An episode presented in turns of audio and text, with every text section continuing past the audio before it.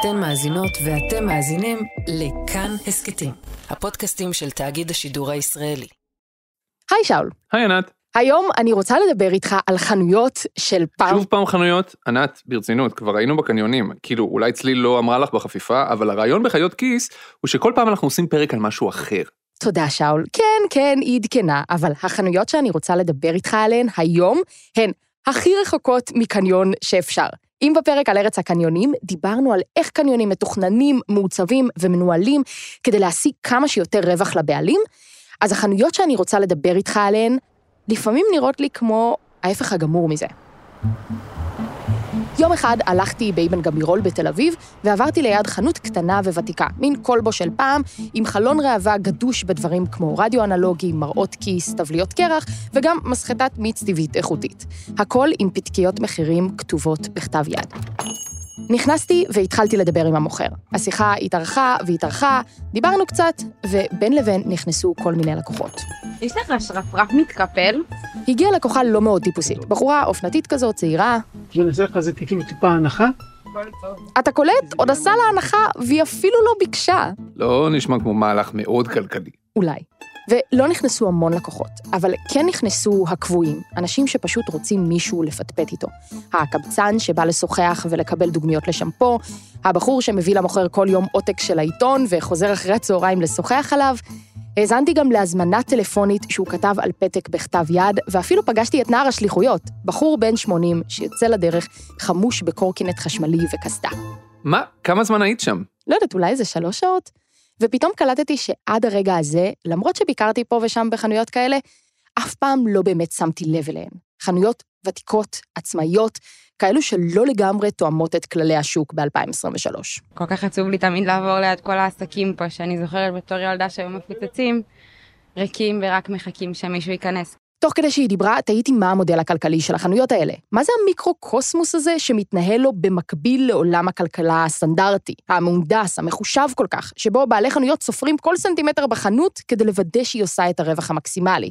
ואיך, בעוד עסקים קמים ונופלים, הן נשארות. אגב, כמה זה באמת נדיר שעסקים שורדים כל כך הרבה זמן?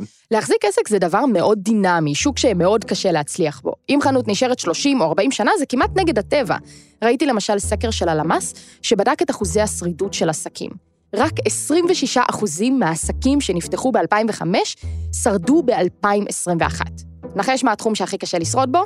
אה, אני אנחש של מסעדות, ברים, כזה? נכון, אוכל ושירותי אירוח. רק 11 אחוזים שורדים. ובמקום השני המכובד, עסקים שנמצאים תחת הקטגוריה מסחר סיטוני וקימוני ותיקון כלי רכב מנועיים, שבהם גם החנויות שלנו. שם בערך 20 אחוזים שרדו. רק אחד מחמישה עבר את רף ה-15 שנה. אוקיי, okay, יש איזה סוד שגורם לחנויות מסוימות לשרוד יותר מאחרות? זה מה שניסיתי לברר. הלכתי לחנויות ותיקות ששורדות המון שנים בכל מיני מקומות בארץ, לבדוק מה באמת קורה שם. אז השבוע בחיות כיס, מה זה אומר לנהל חנות קטנה וותיקה, ומה הם סודות השיווק של החנויות האלה? איך זה שבעולם מהיר ועצבני, החנויות האלה, עם אותו שלט ופרסומות בטעם של פעם, מצליחות בכלל לשרוד? והאם אנחנו צריכים לעזור להן להישאר בחיים בכוח?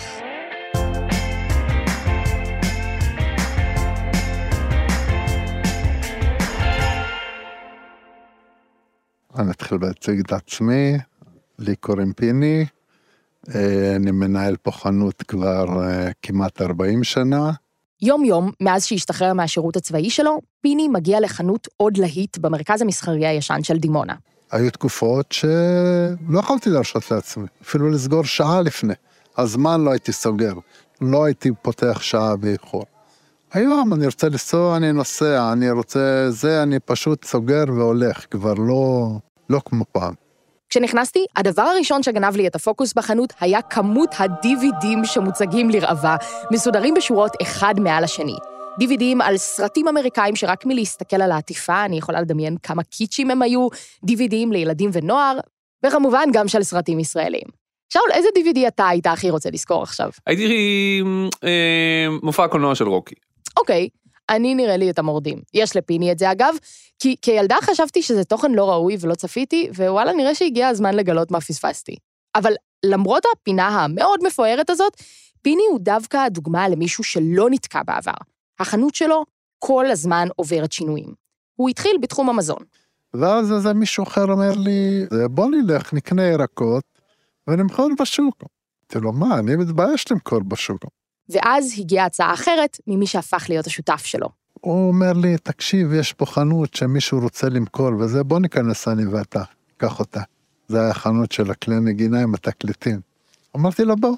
התקליטים הלכו מעולה, בהתחלה. ואז, ותקליטים הלכו ונעלמו עד שמכרנו את האחרונים בשקל יחידה, בשביל להתפטר מהם. היום כבר זה בין 100 ל-200 שקל, תקליט.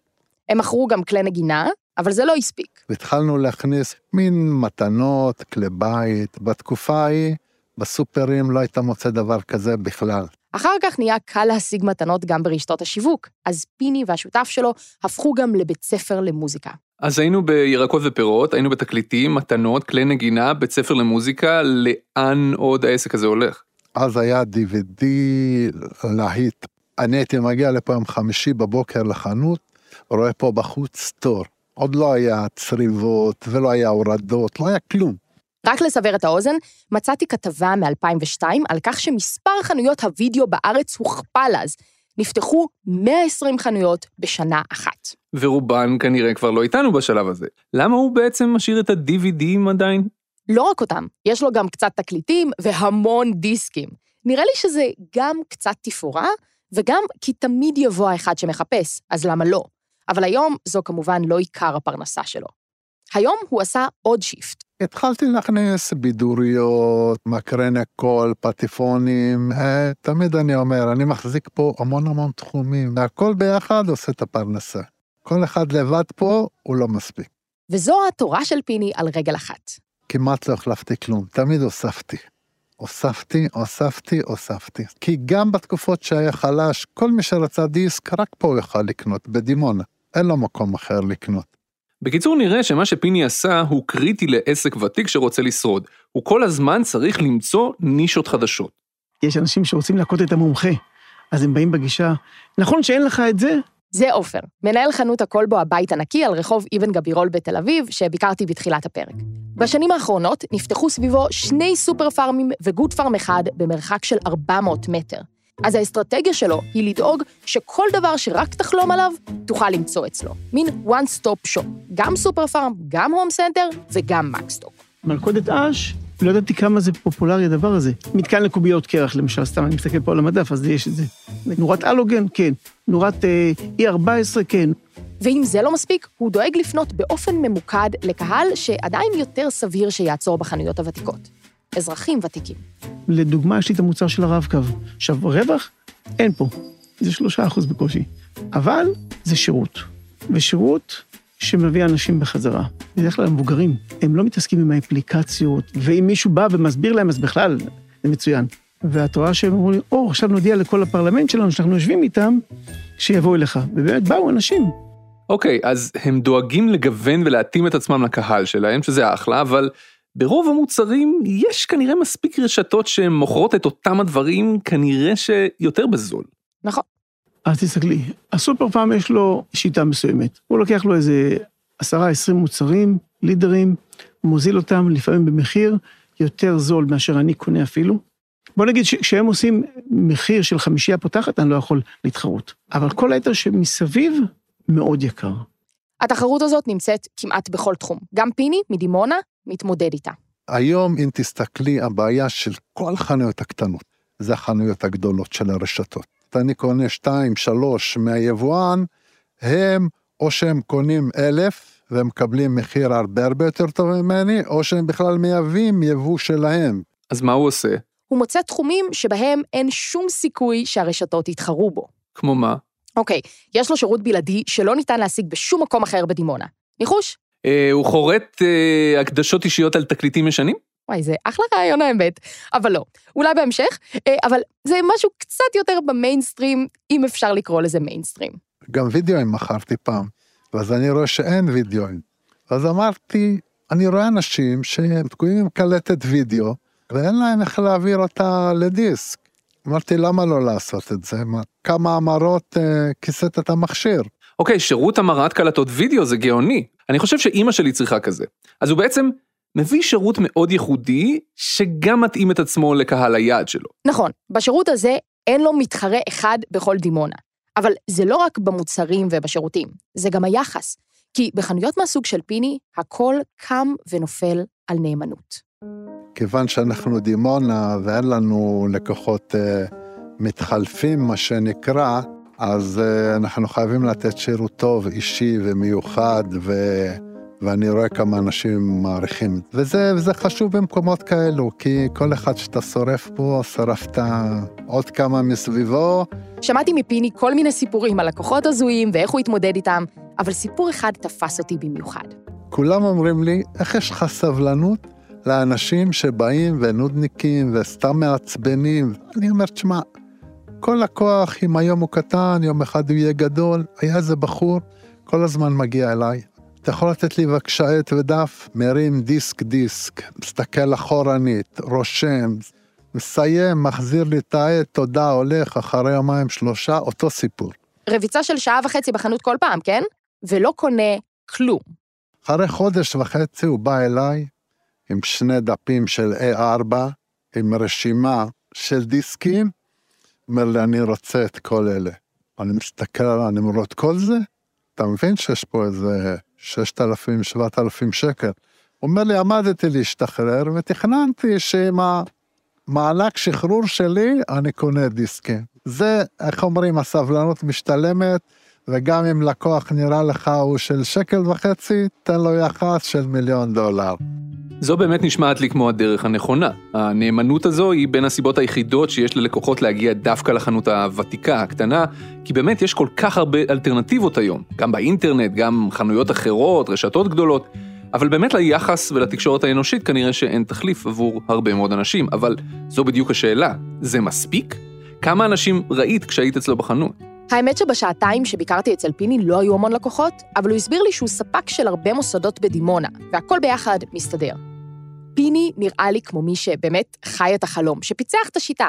כשהרעיון שלנו נגמר, באחת וחצי, הוא מיהר לסגור את החנות. אנחנו סיימנו את השיחה בדיוק בשעה שהולכים לאכול צהריים, ושנץ, אנחנו אחת וחצי עד ארבע, סגור, כמו לפני 40-50 שנה, אני לא יודע אם את זוכרת, אבל פעם זה היה חוק.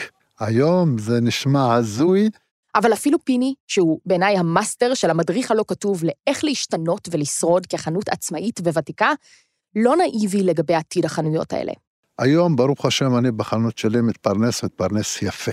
אם אני לוקח את החנות הזו איך שהיא, מעביר אותה לכל מקום בארץ, רוב הסיכויים שכמה חודשים אני סוגר אותה. פה חלק גדול הם לקוחות קבועים, לפחות 50-60 אחוז ברמה של שמות, שהם מתקשרים אליך, ושם אף אחד לא מכיר אותי, ואם אני יותר יקר בשני שקלים באיזשהו מוצר, למה שהוא יקנה אותו אצלי? לא נראה לי שזה יימשך הרבה זמן. קשה קשה עסק קטן, רק אם אתה ממש משהו ייחודי, מקצועי, לא משהו שאתה רק מוכר. בעקבות הדברים של פיני, החלטתי לחפש חנות ותיקה, מקצועית וייחודית, שמוכרת משהו שאי אפשר להשיג בשום מקום אחר. אה, הוא שואל אם יש לך ציפורן יותר רבה ל-45, הוא כבר היה אצלך לפני כמה זמן ואמרת שלא. לא, אין לי בכלל ציפורנים. אתה תתאכזב. אתה יודע לנחש מה החנות הזאת עושה? אה, לא יודע, מניקור? הנדסת אה, ציפורניים מרקמה אנושית? לא, לא, מדובר בדנה עטים, חנות ברחוב דיזינגוף בתל אביב, שמתמחה בעטים נובעים. אני אומר תמיד, 99% מהאנשים שעוברים ברחוב חושבים שאנחנו משוגעים. אחוז אחד יודעים, ומזה התפרנסנו כל השנים. זה ממש כך היה. זה שמעון, והוא מנהל את החנות יחד עם הבת שלו, עינת. סיימתי את הצבא, והגעתי לפה כי תמיד גם אה, הייתי פה, וזה משהו שפשוט קרה. לחנות קוראים דנה עטים, כי שם המשפחה שלהם הוא דנה, שמעון דנה ועינת דנה. מבלבל? אני יודעת. שמעון גדל לעסקי החנויות הקטנות. כבר בגיל שש הוא היה מתרוצץ בבית הדפוס של אבא שלו. אנחנו בין הראשונים היינו ששילבנו יחד את המתנות וצורכי כתיבה.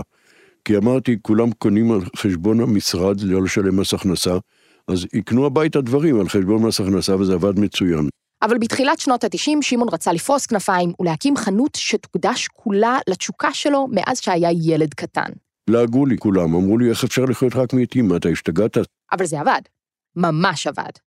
במועדון הלקוחות שלנו למעלה משלושת אלפים לקוחות. כשהתחלנו ב-92 מ-94 לקוחות. כי הם עבדו נכון עם הקהל הרלוונטי. תראה, עטים נובעים זה לא סיפור זול בכלל.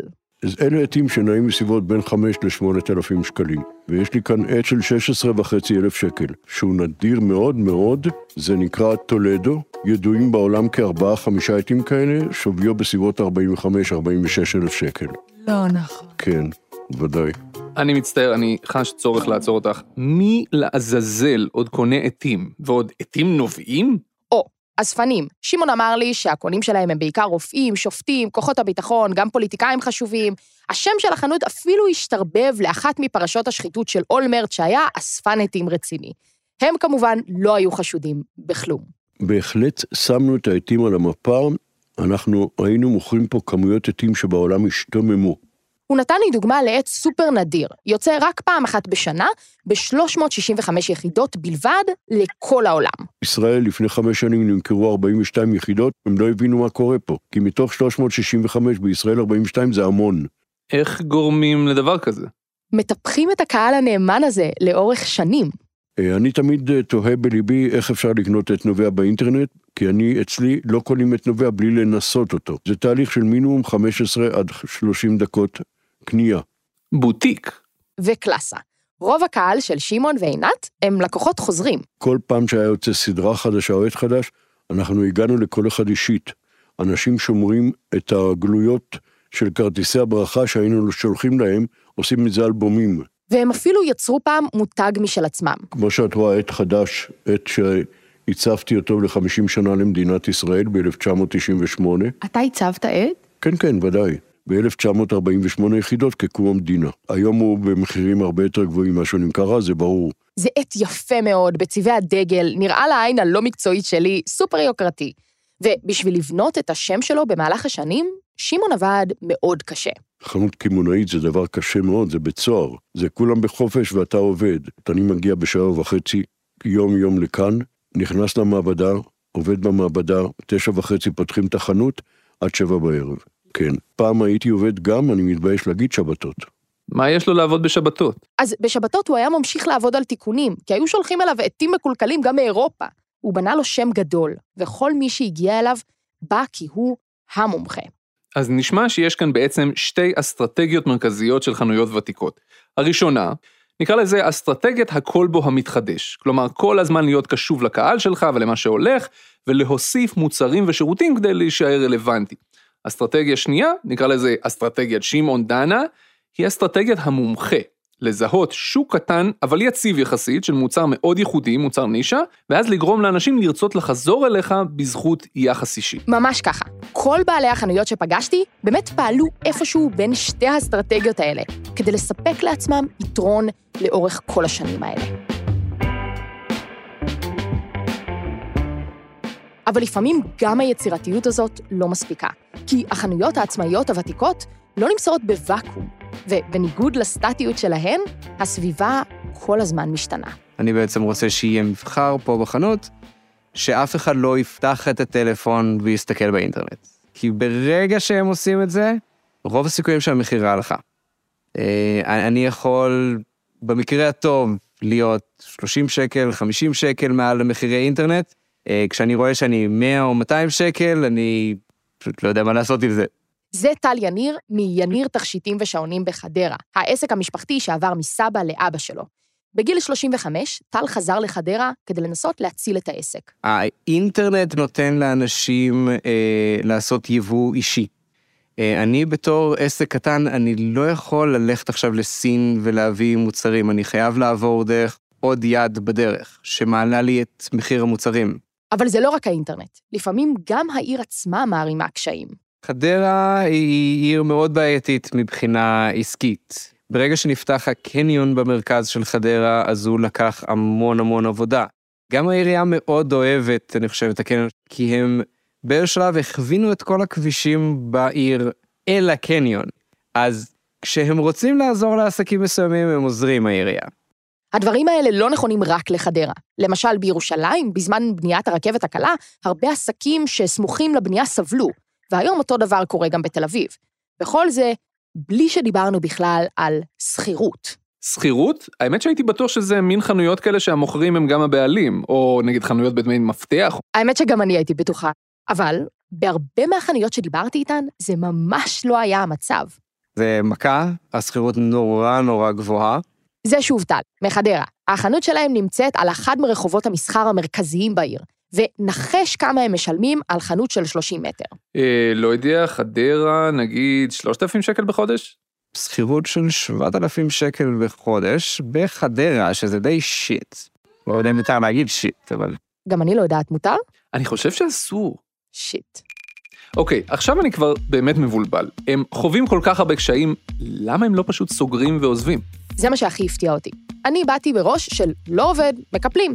אבל בעסקים הקטנים האלה אין משקיעים שלוחצים עליך, או מלא עובדים לשלם להם משכורת. אז כשההידרדרות מתחילה, הם פונים לצעדים פחות דרמטיים, ואם אי אפשר להגדיל את ההכנסות, מקצצים הוצאות. והפחתת העובדים, זה היה המכנה משותף להרבה מהחנויות שפגשתי. אבל לא רק. כשאני נכנסתי לפה, הדבר הראשון שעשיתי זה לפתוח את העסק בין 2 ל-4. אני מבין שטל בא לעורר את העסק, אה? תודה על זה. אבל כן, הוא למשל פתח דף פייסבוק, ועשה כל מיני שינויים כדי להתאים את עצמם לעידן החדש. אני נקלעתי לרחוב העסקים הוותיקים של חדרה בסביבות שלוש אחר הצהריים, ונדהמתי לגלות שכמעט כל העסקים שם באמת היו סגורים, חוץ מהעסק של טל. אבל בינתיים המאמץ הזה לא לגמרי נושא פרי.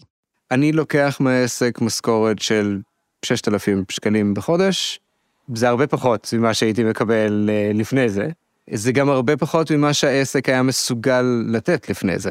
אגיד לך בכנות, הילדים כבר מזמן אמרו לי, אבא, מספיק. זהו, אתה לא רואה אור יום, תמצא לך מקום עבודה אחר, וזהו. אבל זה מאוד לא פשוט לחפש עבודה חדשה בסביבות גיל 60. וככה הרבה מבעלי החנויות שפגשתי נמצאים באיזשהו לימבו. כרגע הם שורדים, אבל גם הם לא חושבים שזה לאורך זמן. הם כאילו תקועים בנישואים לא הכי מאושרים, אבל גם לא הכי רעים. סוג של אינרציה. מחזיק אצבעות שהוא יחזיק מעמד. אני אעשה את הכל, אבל אם אני אראה שתוך כמה שנים זה לא משתנה, אני אצטרך לחשוב על עצמי ולראות מה אני יכול להמשיך ולעשות הלאה. אני לא רוצה להישאר בגיל 40 ומשהו ללא עבודה או מקצוע. נראה לי שאולי השוק מאותת לכל העסקים האלה, כל החנויות של הכל מהכל ועוד להיט, שאולי פשוט עבר זמנכם. אלא אם כן יש לכם משהו ממש ממש מיוחד ביד, ואין הרבה מתחרים מסביב, ואתם במיקום מעולה. כי היום יש מקסטוק והכל בדולר, או סופר פארם, ממש מעבר לפינה. אז אולי יש מקום רק לחנויות מאוד מיוחדות וספציפיות, כמו החנות ההיא של העטים. אז זהו, שגם בשוק העטים, הזמנים השתנו. אני רואה ששמתם במלא מקומות בחנות שלטי לא למכירה. כי רצו לקנות... אה, ב... הכל, גם את הארון הזה רצו. הכל, את הדלפק של אם הזה. היה עליי שלט, למח... למח... גם היו קונים. לא נשאר כלום. כל החנות ריקה, פשוט. ואתמול מישהו רצה לקנות את השלט שלנו. באמת? כן. ומה אמרת לו? לא, לא מוכר. אחד, לא כל כסף בחיים. כשהגעתי לחנות דן העטים, קיבלו אותי חלונות ראווה גדולים ומדפים מעץ מלא, וכולם עמדו ריקים. אנחנו, השנים הטובות שלנו, אה, היו מחזורים של כשלושה מיליון, שלושה וחצי מיליון שקל בשנה.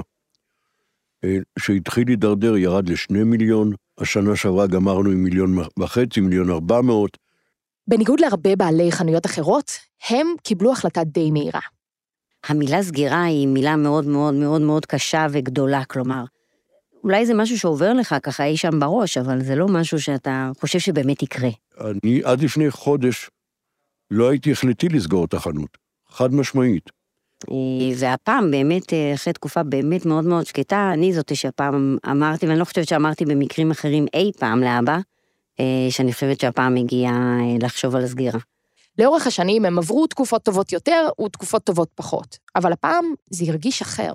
שאבא דיבר עם אספנים שבעצמם אמרו שהם החליטו לעצור בגלל שהם הבינו שיש להם כבר אוסף גדול, ואחריהם, כלומר היורשים אין להם עניין בזה בכלל.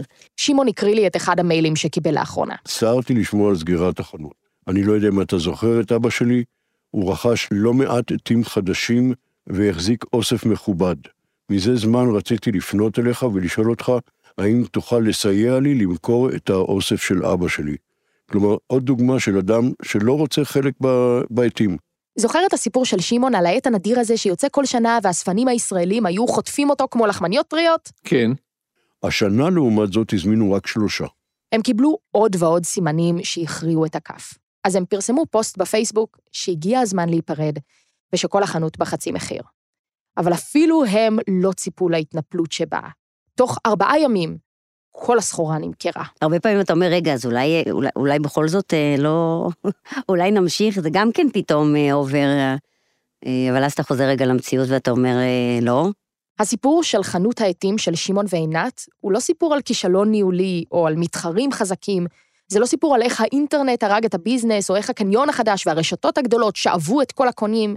זה סיפור על חילופי דורות, לא רק של המוכרים ושל בעלי החנויות, אלא גם של הקונים עצמם. טוב בן 73 לגמור בשיא ולא בן 77 ליפול פה. שכבר לא מעניין את אף אחד מי אתה, אתה זקן וזה, ככה אני חושב, לא יודע.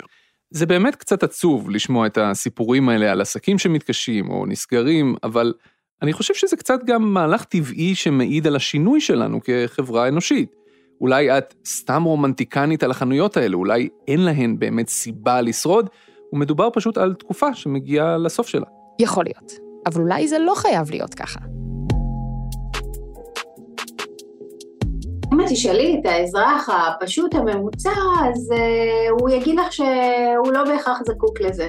אז כמה, עם כל הרומנטיקה והנוסטלגיה, אז בעיקרון, את יודעת, יש פה עניין של היצע וביקוש, יש היצע ואין כל כך ביקוש. זו פרופסור טלי חתוקה, ראש המעבדה לתכנון ועיצוב עירוני באוניברסיטת תל אביב. אני תמיד נזהרת מכל מיני רואי שחורות, כי העיר זה אחד הדברים הכי דינמיים שיש.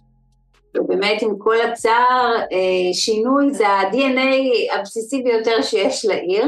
ועדיין, היא חושבת שיש מקום לרשויות המקומיות להתערב. זאת אומרת, יכול להיות שצריך בצורה מאוד ממוקדת, כחלק מאיזושהי מדיניות אה, מסחרית כללית רחבה יותר, להגיד, אוקיי, ברחובות מסוימים שאנחנו רוצים לשמור על החיות שלהם, אנחנו אה, נשמור חלק מהמסחר הקמעוני.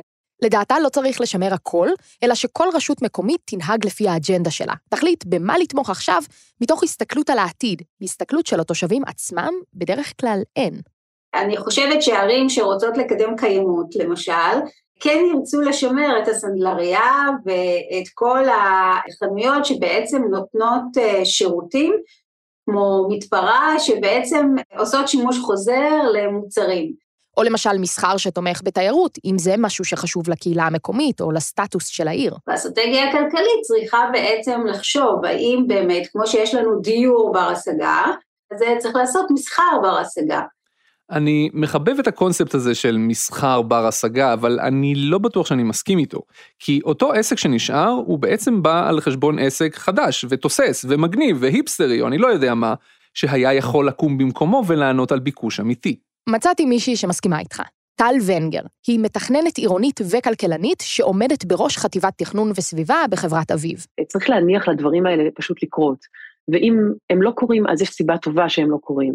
ולכן אני, אני לא כל כך בעד לתת uh, תמריצים לעסקים כאלה או אחרים כדי uh, להחיות אזור כזה או אחר. כשהיא אמרה את זה, קצת נלחצתי, כי פתאום תהיתי האם אנחנו בדרך למין עתיד כזה שבו יש רק רשתות ענק מנוכרות וחסרות נשמה. אבל טל הרגיעה אותי, ואמרה שלפחות מנקודת המבט שלה, לעסקים קטנים, עצמאיים, יש דווקא יתרון ברחוב על פני הרשתות. וואלה, מה היתרון? מסוגלים לעבוד במטראז' קטן, הן לא צריכות פריקה וטעינה משמעותיות, אז הן יודעות להשתלב עם האירוע התפעולי הזה הרבה הרבה יותר טוב בסביבה צפופה. ובעיקר, הן יכולות להתאים את עצמן טוב יותר לסביבה שלהן, הרבה יותר טוב מרשתות. אתם יכולים לתת מענה לאנשים הקשישים ש... שגרים באזור, הם הרבה יותר גמישים ב... ביכולת העסקית שלהם להגיב לאירוע כזה או אחר. בעצם, להתאים את עצמן לרחוב הספציפי שבו הן נמצאות. ויש לזה ביקוש? טל נתנה לי דוגמה ממודיעין. מודיעין זה יותר גרוע מפתח תקווה, רק אומר. מודיעין היא באמת הסמל של הפרברים המנומנמים, והיא תוכננה יחד עם עוד כמה ערים בארץ כדי להיות בדיוק כזאת. בעצם אה, תוכננו בשיטת הזונינג, אנחנו רואים אזורים שהם מיועדים למסחר, ואזורים שמיועדים למגורים, ואזורים שמיועדים לשטחי ציבור. מהמילה zones, אזורים. כל אזור והייעוד שלו. רק ש... הזונינג הזה, שהוא ככה משנות ה-70, תפיסה תכנונית של ארצות הברית, הוא בעצם לא מאפשר את הרחוב החי והנושם הזה שאנחנו מדברות עליו, ומעודד המון נסיעות. אבל לפני שנתיים נפל דבר במודיעין. הבינו שיש craving, יש ממש רצון מאוד גדול של האנשים לאותו רחוב תוסס וחי, וייצרו אחד כזה, זה נקרא המע"ר של מודיעין, ושם בעצם יצרו מין duplicate כביכול של שדרות רוטשילד בתל אביב. מדרכה רחבה, מסעדות, פאבים, חנויות ומבני מגורים. הכל מהכל. ומה שקרה שם זה פשוט אחת ההצלחות הכי גדולות שיכלו לקרות בעיר, ו- וזה רק מעיד על זה שבסופו של דבר אנשים קצת הורגים לזה, מחפשים את המסחר השכונתי הזה. ולא רק כדי לקנות דברים, אלא בגלל המשמעות היותר גדולה שלו. למושג הזה שנקרא כיכר העיר של פעם, שבקורונה אה, התחלנו בעצם להבין שהמפגשים האלה, השכונתיים, אה, המקומות שבהם אתה רואה את השכנים שלך, את האנשים שלך, אה, הם קריטיים בתוך החיים. ובזה גם פרופסור חתוקה וגם טל ונגר מסכימות. העסקים הקטנים על הרחוב נחוצים לנו. בין אם צריך לפעול אקטיבית כדי לשמר אותם, או לקוות שהשוק החופשי יביא עסקים עצמאיים חדשים, יש להם ערך אמיתי בחיים שלנו. הם מה שמייצר קהילה וגם שגרה עירונית. תגידי, אחרי הפרק הזה את מסתכלת אחרת על החנויות האלה? האמת שכן. לפני כמה שנים עברתי לרמת גן, וזו עיר ששופעת בעסקים ותיקים, שהייתי מנותקת מהם ומההיסטוריה שלהם לחלוטין. אז פתאום עכשיו, כשאני מסתובבת ברחוב ורואה אותם, הם עושים לי שמח על הלב, כי אין מה לעשות לקנות אצל מישהו שאני מכירה בשם, שאני יודעת ששומר לי את הדבר הספציפי שבשבילו אני באה כל שבוע, גם אם זה קצת יותר יקר, נשמע לי חלומי. אבל להגיד שאני באמת אצליח לעמוד בזה, לא יכולה להתחייב כרגע. עם כל כמה שאני לא חושב שצריך לשמר אותן בכוח, אלא לתת לביקוש לעשות את שלו, לא הייתי רוצה שהחנויות האלה ייעלמו. ישתנו כן, אבל לא ייעלמו. כי זה באמת מה שעושה את הרחוב. אני זוכר שכשגרנו בארצות הברית, הייתי הולך הרבה ברגל או רוכב באופניים, והיו המון רחובות מרכזיים בעיר שהיו בהם חנויות שעמדו ריקות, עם כזה שלט להשכרה, וזה קרה בעיקר כי אמזון פשוט הרגה אותן. וזה היה מבאס, ממש מבאס, לעבור ברחוב ולראות חנויות ריקות כאלה. אז כן, הייתי שמח שהחנויות הקטנות ישרדו, אלה פשוט לא חייבות להיות חנויות עטים, או כלבו קטן, או חנות תקליטים, אלא אם כבר הגיע לפה הרטרו של התקליטים. Hmm. מה שאני הבנתי, מעל כל צל של ספק, הוא שלא הייתי רוצה להחזיק חנות כזאת בעצמי. כל בעלי החנויות שדיברתי איתם תיארו ימי עבודה של 12 שעות, עבודה גם בשישי, ופחד אמיתי לצאת לחופשים. החלום הקלאסי הזה של אבות שרוצים שהילדים ימשיכו אותם, אותו הם נטשו מזמן. היה שלב שחשבת שאתה רוצה שהילדים ייכנסו איתך לעסק? אף פעם לא. אף פעם לא רציתי שייכנסו. אני לא מכיר הרבה חברים עצמאיים שהיו מכוונים את הילדים שלהם גם כן לעצמאי. היה איזשהו שלב שהבן הגדול, הוא חשב שזה כדאי ומשתלם, אבל הורדנו אותו מזה, והיום הוא, הוא לבד הבין שעדיף לו להיות uh, שכיר, זה הכי בטוח היום. יש לו משכורת בטוחה, הוא עובד במקום טוב, עבודה קלה, לא קלה, אבל יותר קלה מעצמאי. היום שלושת הבנים של פיני עובדים בהייטק, ואין מאושר ממנו על שהגשימו ככה את החלום הישראלי.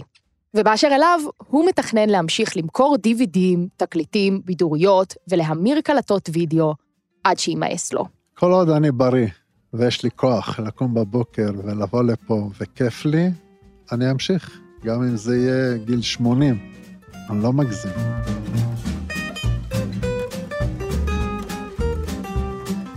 אתן ואתם האזנתם לחיות כיס. העורך שלנו הוא תומר מיכלזון, עורך הסאונד הוא אסף רפפורט, וטכנאי הסאונד הוא שרון לרנר. עורך כאן הסכתים הוא ניר גורלי. החברים הנוספים במערכת חיות כיס הם אלונה מיצי וצליל אברהם.